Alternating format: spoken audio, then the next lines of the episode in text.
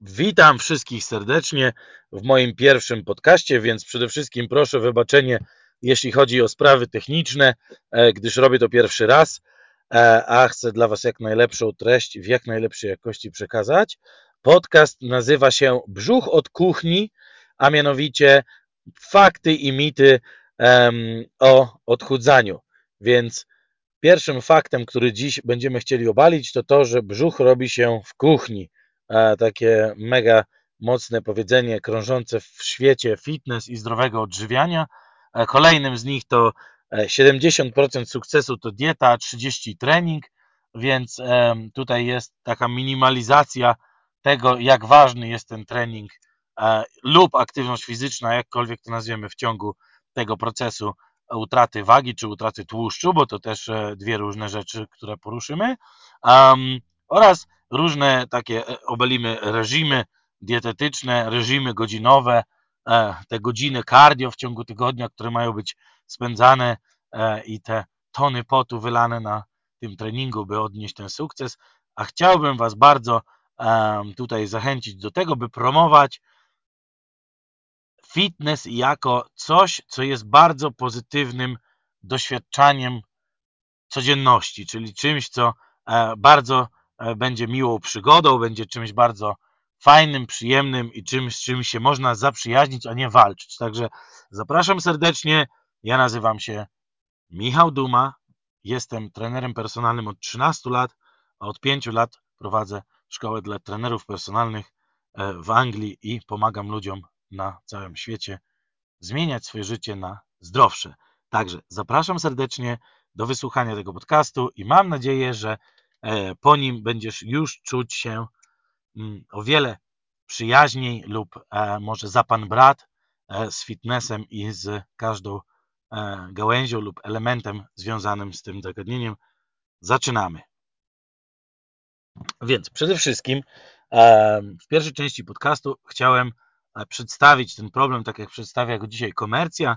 Komercja, czyli rynek, na którym na nieświadomości ludzi i klientów branży, osobowości czy gałęzie e, pewne chcą zarobić e, pieniądze i wykorzystać tą osobę na tym, że karmiąc się nadzieją, e, będzie ona korzystała z jego usług, produktów itd. Tak A więc tutaj musimy rozróżnić dwa warianty: świadomość i nieświadomość usługodawców, gdyż nie chciałbym nikogo dziś obrazić swoim podcastem z perspektywy tego, że mówię, że jakiś trener, czy e, dietetyk, czy coach, czy mentor, czy ktokolwiek pracuje z wami jest zły, bo powiedział wam jedno lub drugie lub trzecie, może wynika to z dobrego serca i z dobrej perspektywy i pochodzi to z dobrego miejsca, a jest jedynie jego lub jej nieświadomością i po prostu nie posiada pewnych elementów wiedzy, które mogłyby jej lub jemu pomóc wam zrozumieć e, cały proces tego wszystkiego. Także zaczniemy sobie od tego i e, przede wszystkim od przedstawienia faktów. Więc chciałbym poruszyć pewną kwestię, e, gdzie promotorzy zdrowia, trenerzy fitnessu i innych jakby branży zdrowotnych, dietetycznych promują model, w którym dają swoim klientom gotowe rozwiązania na ich problem. Najczęstszym problemem w branży jest E, to, że osoba jest niezadowolona ze swojej sylwetki, ma lub za mało mięśni, lub ich za dużo, lub e, ma za mało tego tłuszczu, lub za dużo i tak dalej, i tak dalej. Także gdzieś w tej sylwetce jest ten klient mm, niezadowolony z tego, jak wygląda, jak się prezentuje, jak się ze sobą czuje i tak dalej, i tak dalej, a um, usługodawca tutaj, czytaj trener, dietetyk, e, fitness instruktor, promotor zdrowia i tak dalej, jest E, kimś, kto e, wychodzi z inicjatywą pomocy.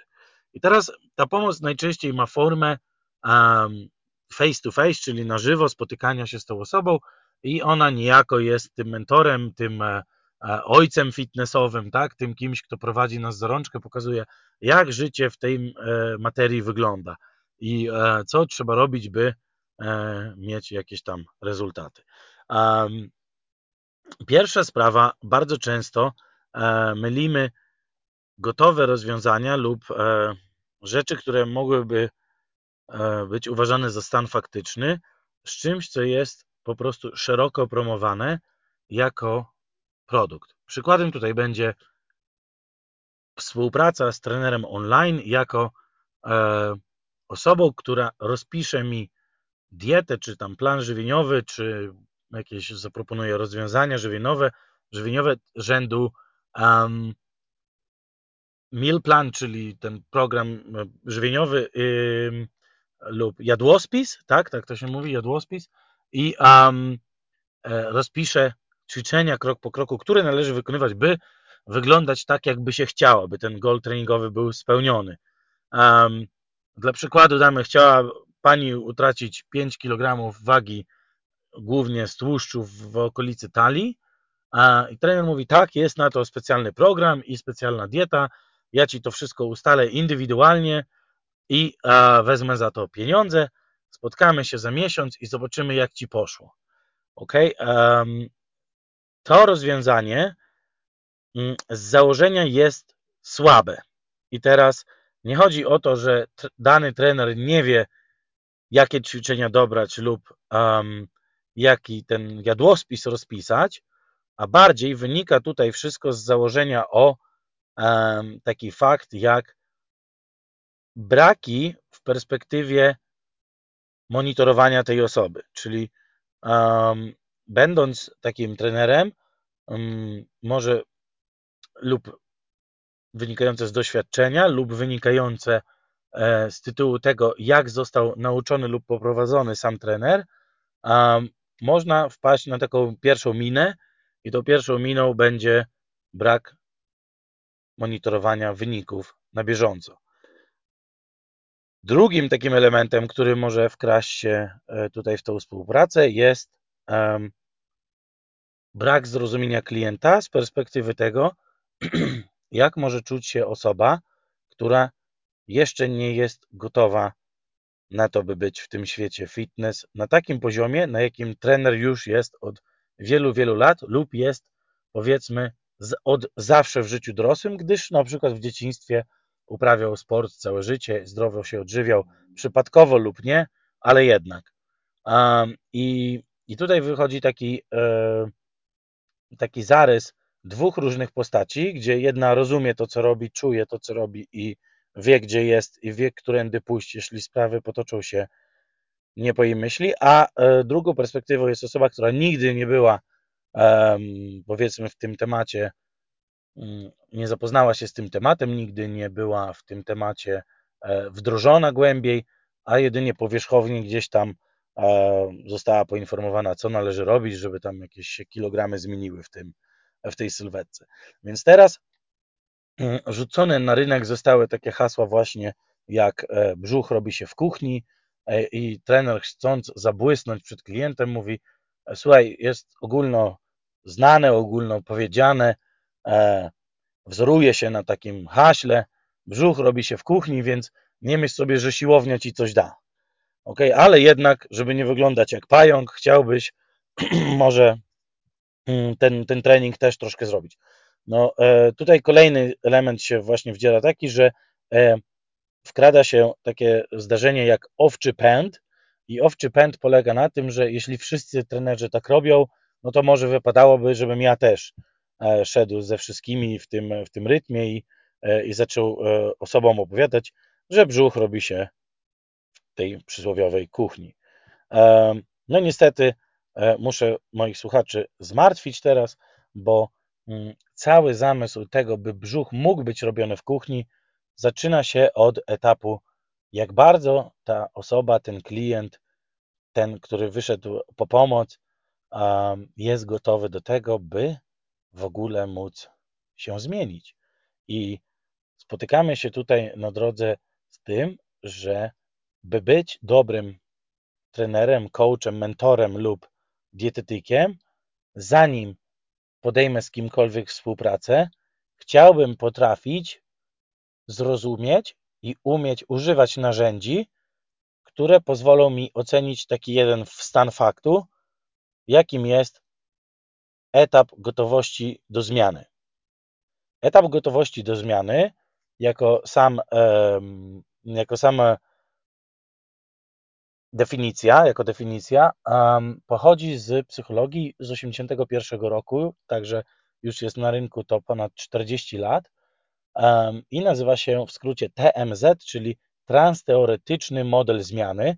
Polega on na łączeniu różnych nurtów psychologicznych i te różne nurty psychologiczne um, połączyły całą wiedzę psychologiczną już wtedy, w latach 80.,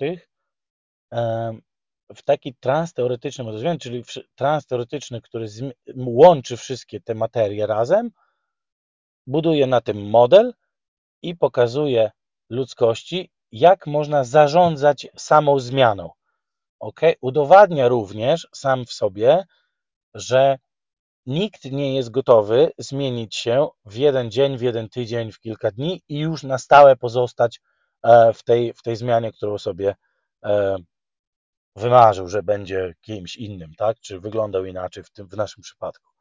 Ok, i teraz, by to wszystko mogło mieć sens, potrzebujemy sklasyfikować pewne rzeczy. I e, zmiana um, akurat w tym modelu transteoretycznym przechodzi przez pewne etapy.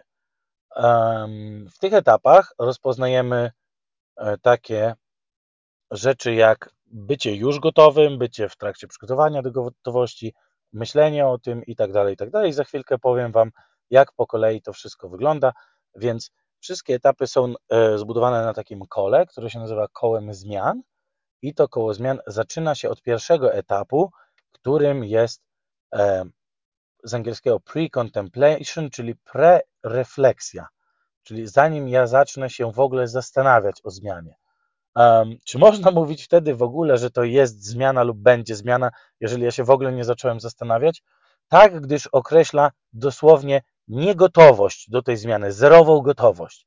Okay? Są to momenty, w którym całe Twoje społeczeństwo dookoła widzi, że potrzebujesz zmiany, Ty może wiesz o tym, że warto by było się zmienić lub um, zalecenia lekarskie na to wskazują, lub zalecenia um, rodziny lub nie wiem, nawet fakt, że sam widzisz po sobie, że pasowałoby coś zmienić, gdyż nie czujesz się ze sobą ok, a nagle Twoja podświadomość rujnuje ten model i zaczynasz e, buntować rzeczywistość, czyli tutaj w tej perspektywie możemy rozmawiać o tym, że um, osoba, która jest w stanie przedrefleksji, będzie często buntowała E, lub sabotowała tą zmianę. Więc jeżeli będą sygnały z zewnątrz przychodziły o, o ofercie zmiany, na przykład, nie wiem, małżonka powie do, do męża, że no czas już by zadbać o siebie, bo to wszystko idzie w złym kierunku, albo a może sam zobaczy osoba, że ciężko już mu buta zawiązać, bo na przykład ta nadwaga przeszkadza, albo przestał się bawić z dziećmi, co bardzo lubił na tamten czas, kiedy mógł biegać z nimi i grać w piłkę, a już nie może, e, po rzeczy, które przeszkadzają mu to w pracy, bo jest bardziej leniwy, zarabia mniej pieniędzy lub nie jest tak produktywny, jak chciałby być. Jego hobby przez to się zmienia i inny szereg różnych rzeczy, które wpływa na to, że no, życie nie jest tak kolorowe, jak było kiedyś i, i może ta refleksja zaczynałaby przychodzić, gdyby nie ten właśnie wewnętrzny bunt, który mówi, ja nic nie muszę, mi nie trzeba, mi nikt nic nie będzie mówił, jak to mam robić i tak dalej, i tak dalej. Więc teraz, jeżeli ktoś taki jest skierowany do trenera w, akurat e, w tym przypadku, bo ciężko tutaj mówić o tym, że on sam przyjdzie do trenera, gdyż jeszcze ta refleksja nie nastąpiła, więc e, często tutaj e, dostajemy dosłownie jako trenerzy takich klientów z polecenia osób trzecich, czyli na przykład ktoś kupuje prezent świąteczny 10 treningów dla kogoś bliskiego, albo e, ktoś wchodzi na siłownię z kolegą i mówi, może stary, ty byś zaczął. E, I tak dalej, i tak dalej. Więc wszystkie takie przykłady będą to osoby, które trafiły do Was na rozmowę, na konsultację lub ogólnie z Wami rozmawiały w momencie, w którym nie były w ogóle bliskie gotow być gotowym, by zacząć. E, to będzie etap tej przedrefleksji. I tutaj rozpoznając tą Mm, e, ten etap, czyli ten etap pierwszy, warto by było się zastanowić najpierw nie jak komuś pomóc, a jak go uświadomić. I tutaj bardzo mocno trzeba się zatrzymać jako trener, czy jako mentor, czy jako dietetyk nawet, wiedząc o tym, że jakiejkolwiek byś diety nie rozpisał, e, jakiegokolwiek treningu byś nie ułożył lub jakiejkolwiek propozycji do fitnessu byś nie zrobił, e, to jest plan porażki. E, ze względu na to, że jeśli ktoś nie jest gotowy jeszcze zacząć się nad tym zastanawiać, to wypadnięcie z tego procesu jest dosłownie no, gwarantowane. Więc tutaj bardzo dużym celem treningowym czy celem do zmiany byłoby ustalić, jak zrobić, by osoba ta była coraz bardziej świadoma, przekonana do tego, że ten problem istnieje i trzeba by było się nad nim zacząć refleksjonować, zastanawiać, kontemplować. I tutaj kłania nam się kolejny etap, do którego przechodzi ta osoba sprzed kontemplacji, czyli jest kontemplacja, refleksja. Refleksja to moment, w którym um, osoba, która robi ten brzuch od kuchni, czy brzuch w kuchni, um, chciałaby wiedzieć, jak dokładnie spala się tkanka tłuszczowa. Dlaczego warto jest mieć tkankę tłuszczową na pewnym poziomie z perspektywy zdrowia, samopoczucia, mm, sekrecji hormonów, czy chociażby e, insulinowrażliwości, insulinoodporności, co by było powinowactwem do innych chorób. Czyli um, ktokolwiek widział w życiu ulotkę edukacyjną na temat otyłości, bardzo dobrze jest w stanie zaadresować potrzeby klienta na tym etapie, czyli wzbudzić tą kontemplację jeszcze bardziej. I to się nazywa czynność edukacyjna i dobry trener, coach czy um, dietetyk na pewno zanim zacznie z kimś robić jakieś mega duże wyniki, chciałby go jak najbardziej wyedukować w dziedzinie tego, jak jego ciało fizjologicznie funkcjonuje dlaczego pewne procesy zachodzą w taki lub inny sposób. Mm, często tutaj e, osoby początkujące lub zaczynające przygodę z fitnessem starają się trafić na łódź szczęścia i wierzą głęboko sami sobie, że dadzą radę zmienić człowieka dorosłego z zakorzenionymi nawykami, kiedy zaczynają z nimi ćwiczyć i spędzać z nimi czas, przekonując je do siebie swoją osobowością.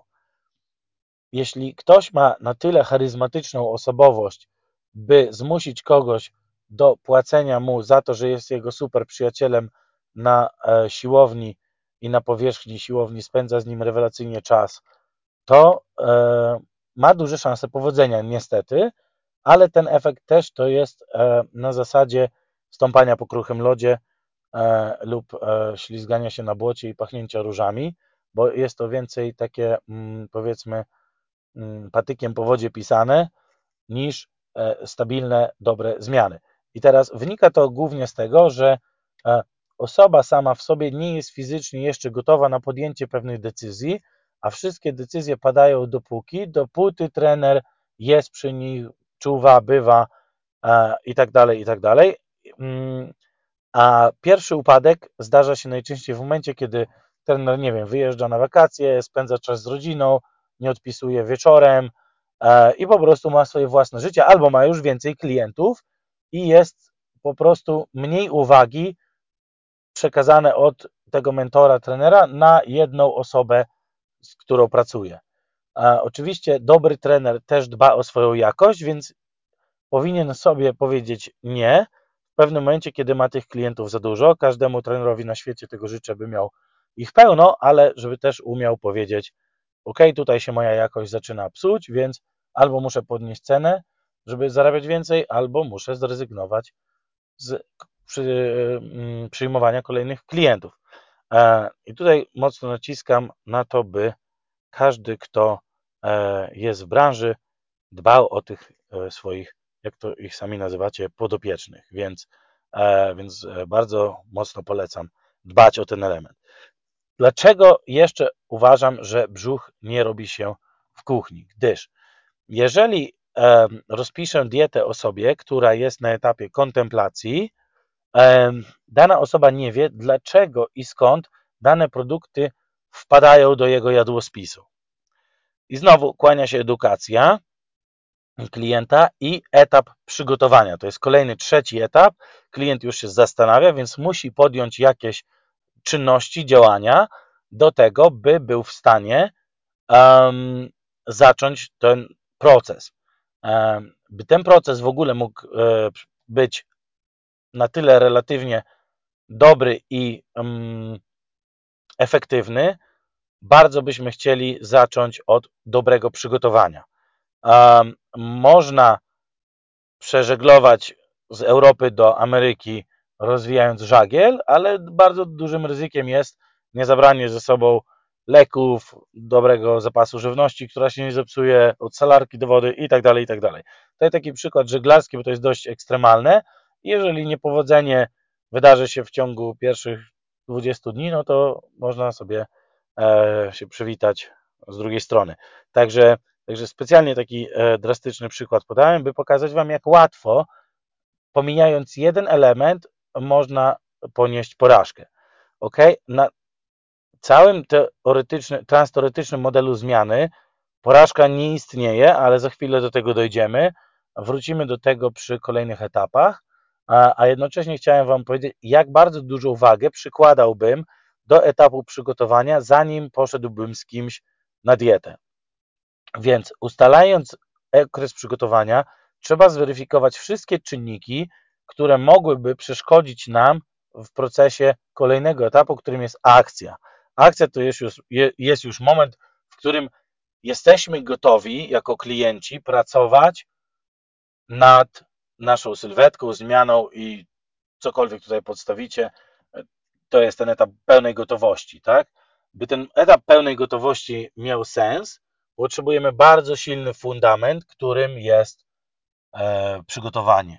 I etap przygotowania będzie dobry, jeżeli mentor, trener lub sam klient, jeśli to się dzieje na własną rękę, e, zrobi sobie porządny rachunek sumienia, checklist, jakkolwiek to nazwiecie, czego potrzebuje, by nie wydarzyła się porażka. Ok? Przede wszystkim takie elementy jak dobre zarządzanie czasem, czyli może trzeba ustalić z nim kalendarz treningów na cały miesiąc z góry. Może trzeba ustalić z klientem, że godziny treningów są stałe. Może trzeba ustalić z klientem listę zakupów. Może trzeba iść z klientem do sklepu, gdyż on sam nie wie, co jest dobrą żywnością, a co nie w jego przypadku. Może trzeba zrobić z klientem siedmiodniową analizę żywienia i zobaczyć w ogóle, jak ten klient się odżywia dzisiaj, by nie zaskoczyć go taką ekstremalną zmianą całego systemu życia, której nie będzie w stanie udźwignąć.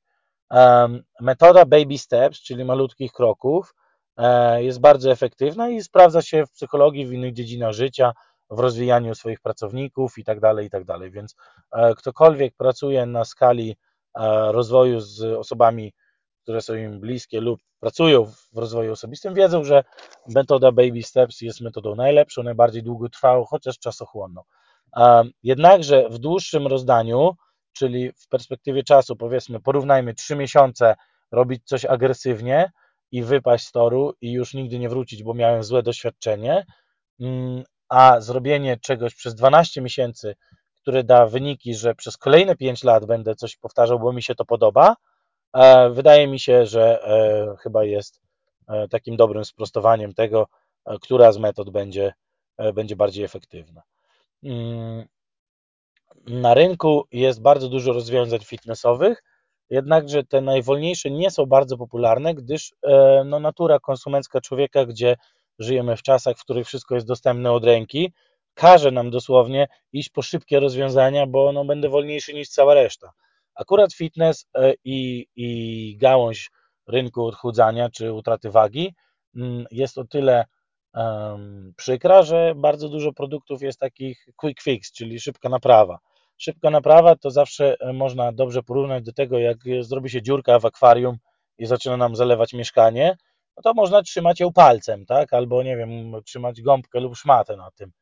E, tylko no, jak długo jesteś w stanie tam stać i tego pilnować. To tak właśnie czuje się klient, który cały czas musi trzymać e, ten, ten cieknący kran, czy ten cieknący akwarium e, do, do przyjazdu kogoś z zewnątrz i pomocy. Więc tutaj wymiana całego akwarium, tutaj licz, uznajmy to jako nasze nawyki, nasze podejście do wszystkiego, naszą podstawę wiedzy i tak dalej, będzie, będzie takim długotrwałym rozwiązaniem na lata, aż do kolejnej dziurki, czyli tutaj e, też opowiem Wam o tym, że właśnie o tej porażce e, w naszym tej kole zmiany.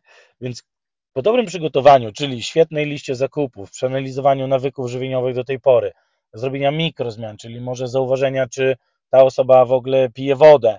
Jeśli nie, to może zacząć od tego. Jeśli w ogóle je jakiekolwiek zdrowe rzeczy, typu warzywa i owoce, może trzeba zerknąć na to i zacząć powoli to wprowadzać, określając ramy czasowe, jak dużo tego, kiedy to podawać, w jakich porach dnia. Kiedy klient nie będzie musiał jakoś drastycznie wychodzić z tej strefy komfortu jedzenia, by wciąż móc mówić o tym, że podejmuje kroki ku, e, ku lepszemu, ku lepszemu. I takie podawanie mikrozmian w przestrzeni tygodnia, dwóch, trzech na pewno zaowocuje tym, że przypadkowo lub e, celowo, aczkolwiek niezauważalnie, będziemy obniżać te kalorie do takich wartości, które dadzą nam ten efekt deficytu kalorycznego, czyli tego, tego efektu odchudzania. Um, ten podcast by nie miał sensu dzisiaj, gdybym nie powiedział, że tak, oczywiście można mówić e, wszystko w mediach, co jest najlepsze na utratę wagi i tak dalej, ale rozbije się to na koniec o to, że klient musi być w deficycie kalorycznym, kropka. I jeśli to nie zajdzie, to nie zajdzie nic, nic się nie wydarzy, niezależnie od tego, jakiej jakości to jedzenie będzie, jeśli, jeśli tego deficytu nie będzie, może jest najzdrowsze jedzenie świata i nigdy nie schudnąć. Także, mm, także trzymajmy się prawdy i, i wiedzmy o tym, że jeśli deficyt zajdzie, to dzieją się rzeczy pożądane, czyli odchudzanie, oraz w tym przypadku klienta. Jednakże pamiętajmy, że można to zrobić drastycznie, a można to zrobić bardzo fajnie. I teraz myśląc o tym bardzo fajnie, jak możemy potraktować fajnie osobę, która przyszła do nas z problemem takim, że została zawiedziona w przeszłości przez trenerów, e, wodzirejów, jak ja to mówię, szarlatanów, czyli naobiecywali jej wszystkiego, osoba zaufała takiemu E, takiemu trenerowi jednemu, drugiemu i trzeciemu na przestrzeni czasu, nawet jeszcze jakimś tam usługom online w stylu jakieś grupy wsparcia i tak dalej, a okazuje się, że e, nikt nie jest w stanie podejść do tej osoby problemu na tak, jak ona by mogłaby sobie z tym poradzić, ok? E, no, bardzo łatwo jest powiedzieć małemu dziecku, przestań płakać, nie bądź sierotą, wstań, nie mazgaj się, ale czy to dobrze wpływa na dziecko, czy to mu pomaga, w jakiś sposób, czy to go zmienia na twardszego, lepszego, mocniejszego, który rozumie swoje uczucia lepiej? No nie sądzę i jest to chyba też już e, udowodnione na tyle, że to nie tędy droga i nie musimy się dzisiaj nad tym rozwodzić, ale to jest właśnie etap przygotowania do rodzicielstwa, nauczycielstwa czy czegokolwiek innego.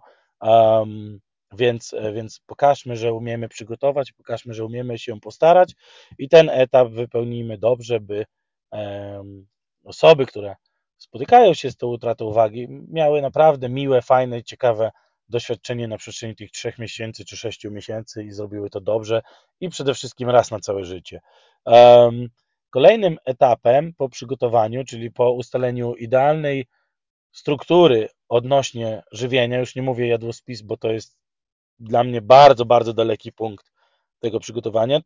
Ile trwa przygotowanie? Może padnie takie pytanie może trwać miesiąc, może trzy, może pół roku, ale uwierz mi, że warto przygotować się i klienta lub się, jeśli sam się prowadzisz, do tego, by zrobić to raz dobrze i już nigdy nie wracać do, um, do dietowania, do katowania się różnymi tam rozwiązaniami, liczenia, czegokolwiek i tak dalej. Więc jeśli etap przygotowania będzie zrobiony na tyle ciekawie, by móc sobie pomóc, e, czyli super lista zakupów, e, nie kupowanie rzeczy, które mi nie służą, E, czyli zawsze mieć pod ręką coś, co może pomóc mi przetrwać ten wieczór, czy ten chwilę słabości i tak dalej, ale będzie takie nieinwazyjne dla mnie.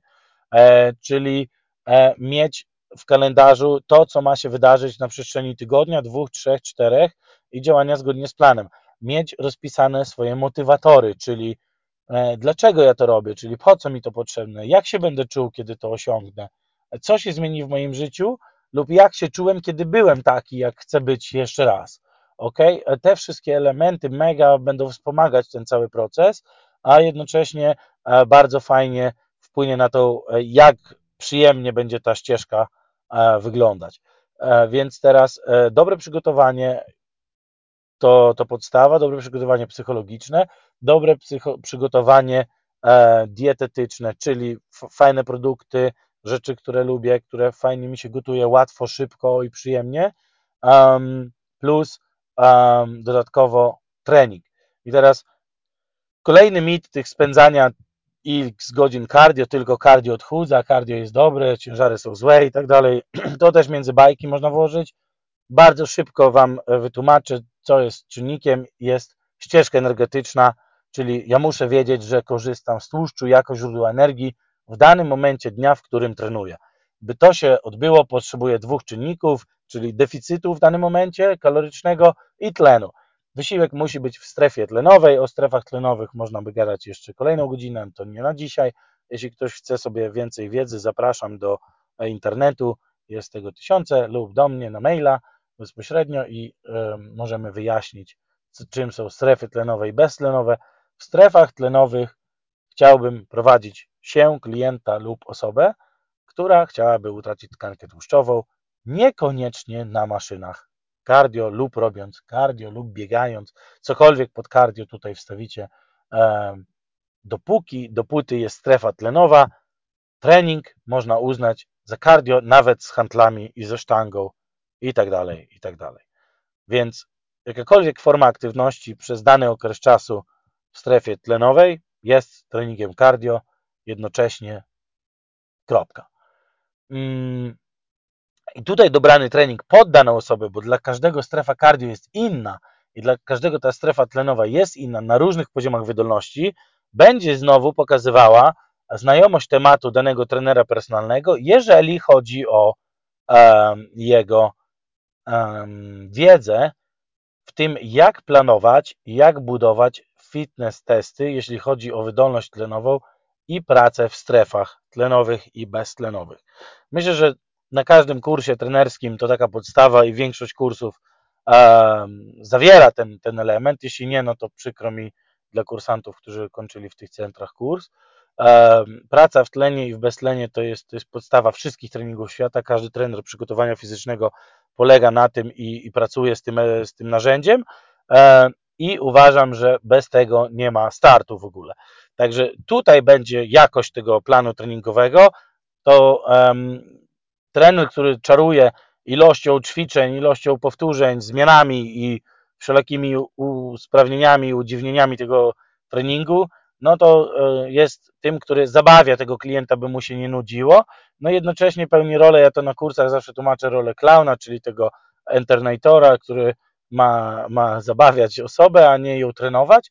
No i moim zdaniem tutaj traci swój cały profesjonalizm. Można to robić miło, przyjemnie, można rozmawiać, śmiać się, żartować na treningu, ale trzeba pilnować tego, co jest w planie i co ma się wydarzyć, a nie błyszczeć e, przed klientem tego, ile ja znam ćwiczeń, ile ja znam metod i tak dalej. To nie jest dla klienta ważne.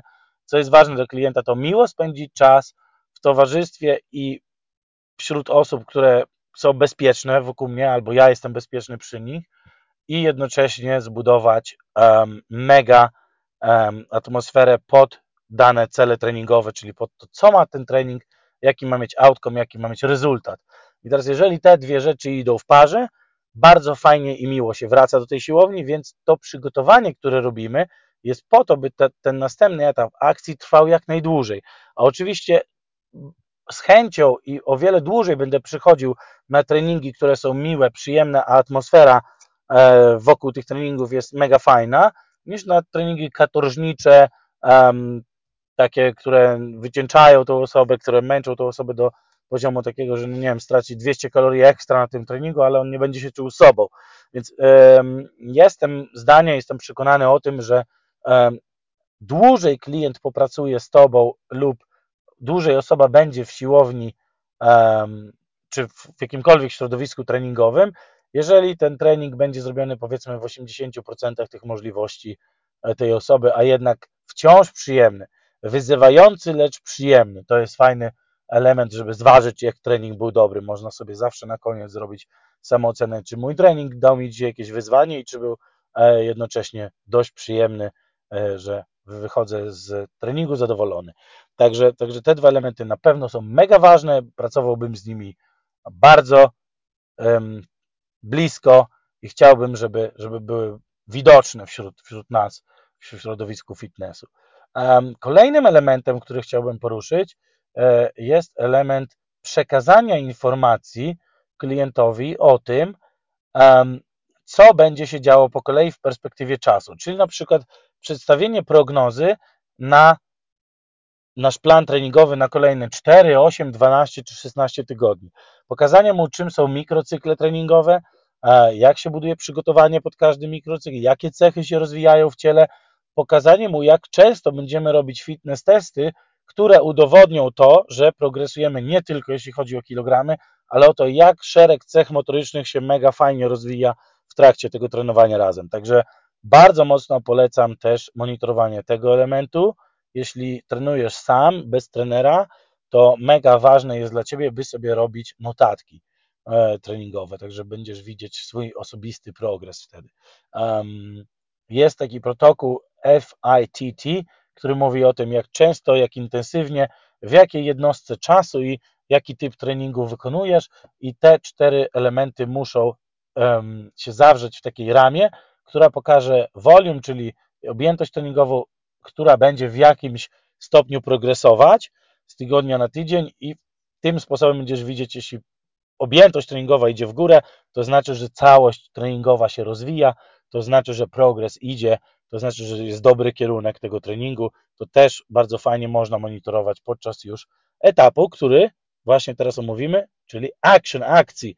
Akcja, czyli to jest już wykonanie planu, wykonanie programu po dobrym przygotowaniu, rozpisaniu założeń e, tego, tej akcji, co ma się wydarzyć w danym czasie, dobre monitorowanie. Tutaj e, bardzo bym naciskał na to, by atmosfera była bardzo dobra, by e, mega profesjonalnie było prowadzone całe założenia treningowe, czyli żeby wszystkie raporty były na czas, żeby wszystkie feedbacki, czyli informacje zwrotne były na żeby każdy trening był oceniony na koniec, zarówno z perspektywy klienta, zarówno z perspektywy trenera. Jeśli trenujesz sam, fajnie sobie zrobić mikroankietę samooceny, jak mi poszło, co mogę zrobić lepiej następnym razem, co bym zrobił inaczej, e, które rzeczy mi się podobały i dlaczego i co zrobię w przyszłym tygodniu, by progresować e, na takiej jednostce treningowej jak ta.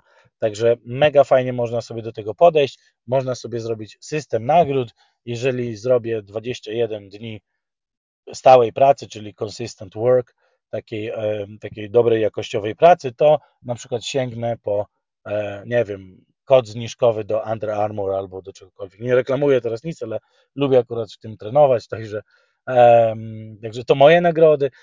Możecie sobie zrobić nagrody typu pójść na cheat meal, cheat day, czy jakkolwiek to ludzie nazywają, czyli zjeść coś, co niekoniecznie próbowałem jeść przez 20 dni, ale sobie mogę pozwolić teraz, bo świetnie sobą się zajmuję, jestem dla siebie dobry, mam dobrą narrację w tle, fajnie mi idzie, cieszę się z tych treningów i bardzo bym sobie mógł to jakoś wynagrodzić, więc jak najbardziej jakiś, w jakimś okresie czasu jakieś okno, wziąć to pod uwagę, że to się wydarzy, to też jest fajna nagroda dla wielu osób, które mocno zaczęły ciężko trenują i jest to coś, do czego czekają.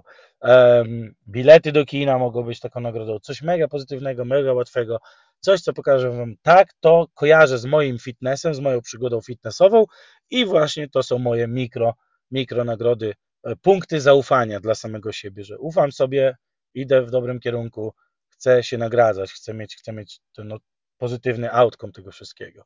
Ok? Um, kolejnym elementem jest utrzymanie tej akcji, czyli maintenance.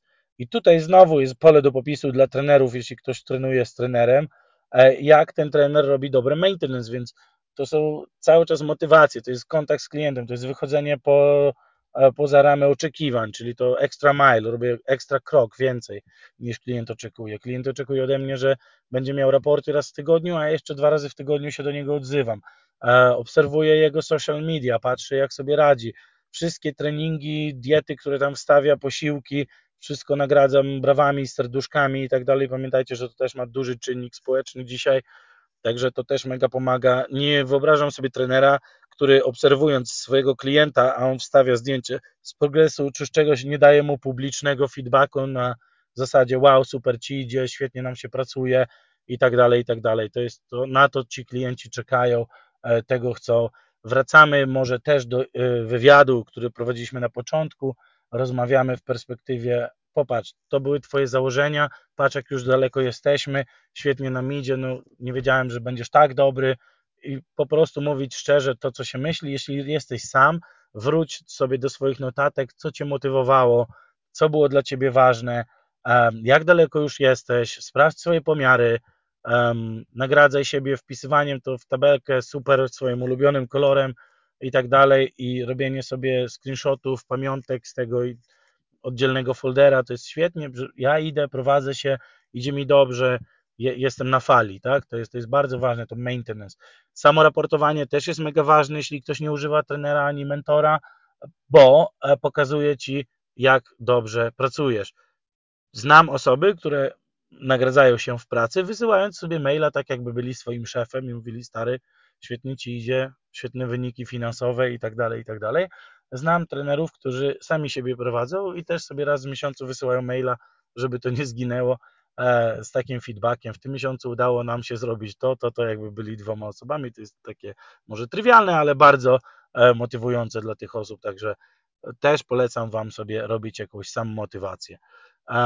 Tutaj pojawia się zagrożenie, jak długo mogę ciągnąć ten etap utrzymania, jak długo jest dobrze, e, kiedy jest źle, kiedy ja się e, wybiję z tego rytmu. No nagle powiedzmy, że coś nie idzie, ten trening nie idzie, jakaś choroba się wdarła, jakieś e, rozstrojenie, jakaś, nie wiem, impreza w ciągu tygodnia, urodziny sąsiada, czy cokolwiek innego i nagle ten, ten rytm treningowy się troszkę rozbił.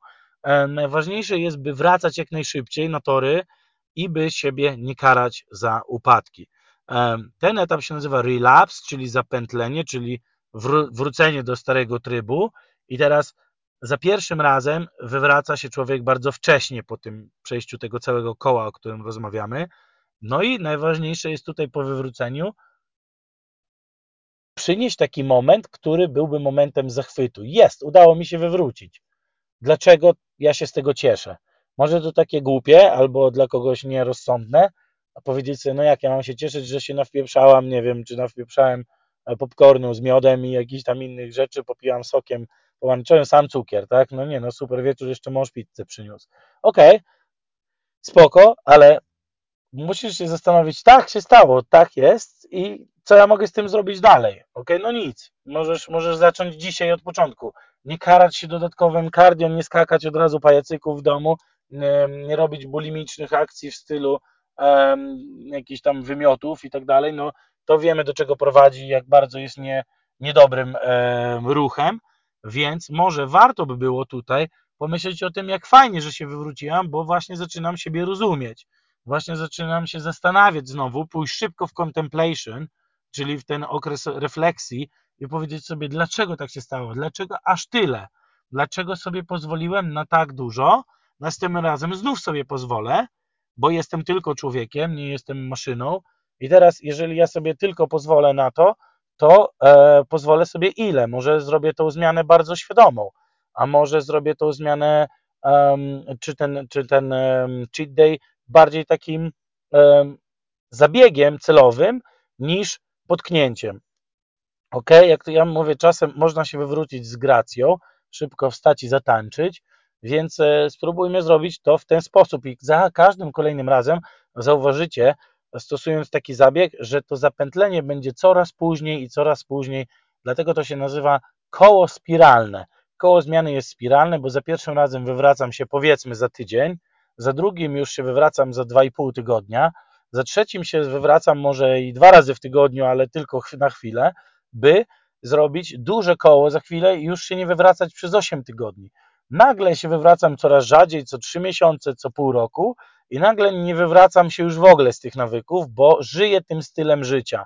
Lubię ten styl życia, bardzo mnie cieszy, że tak funkcjonuje, bardzo mnie cieszy to, jak żyję i tutaj możemy nazwać etap zakończony, czyli lifestyle change, zmiana stylu życia. Jeśli nastąpi zmiana stylu życia, jesteśmy w perspektywie gdzie możemy mówić o tym, że człowiek przeszedł metamorfozę.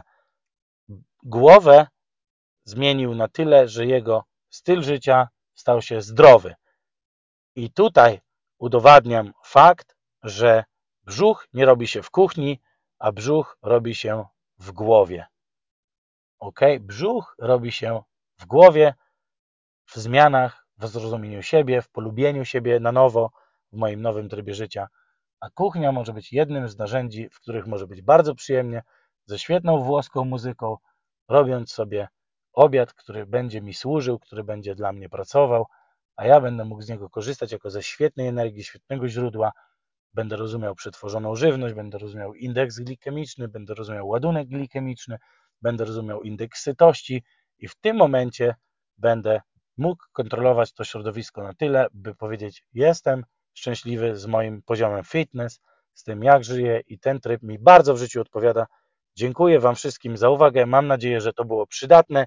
Jeśli tak, zapraszam do kontaktu i do refleksji nad tym większej. Będziemy rozwiązywać takie problemy, więc zapraszam Was do odsłuchiwania moich kolejnych podcastów. Hej!